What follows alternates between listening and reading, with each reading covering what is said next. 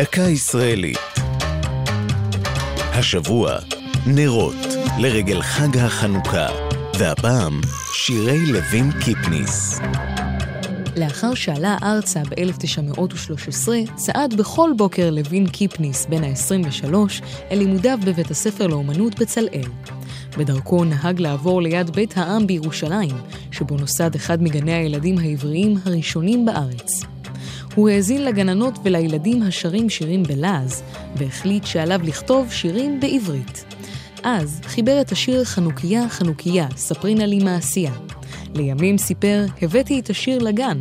הגננת קראה והתרגשה ורצה אל הכיתה, פתחה את הדלת ואמרה, בנות, יש לנו שיר.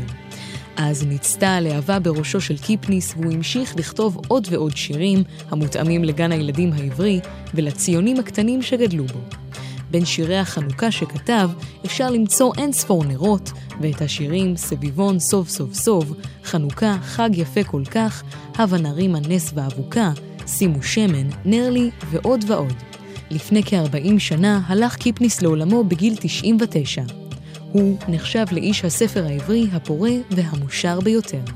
זו הייתה דקה ישראלית על נרות ושירי לוין קיפניס. כתבה עמליה נוימן, ייעוץ הפרופסור מירי ברוך, הגישה עמלי חביב פרגון.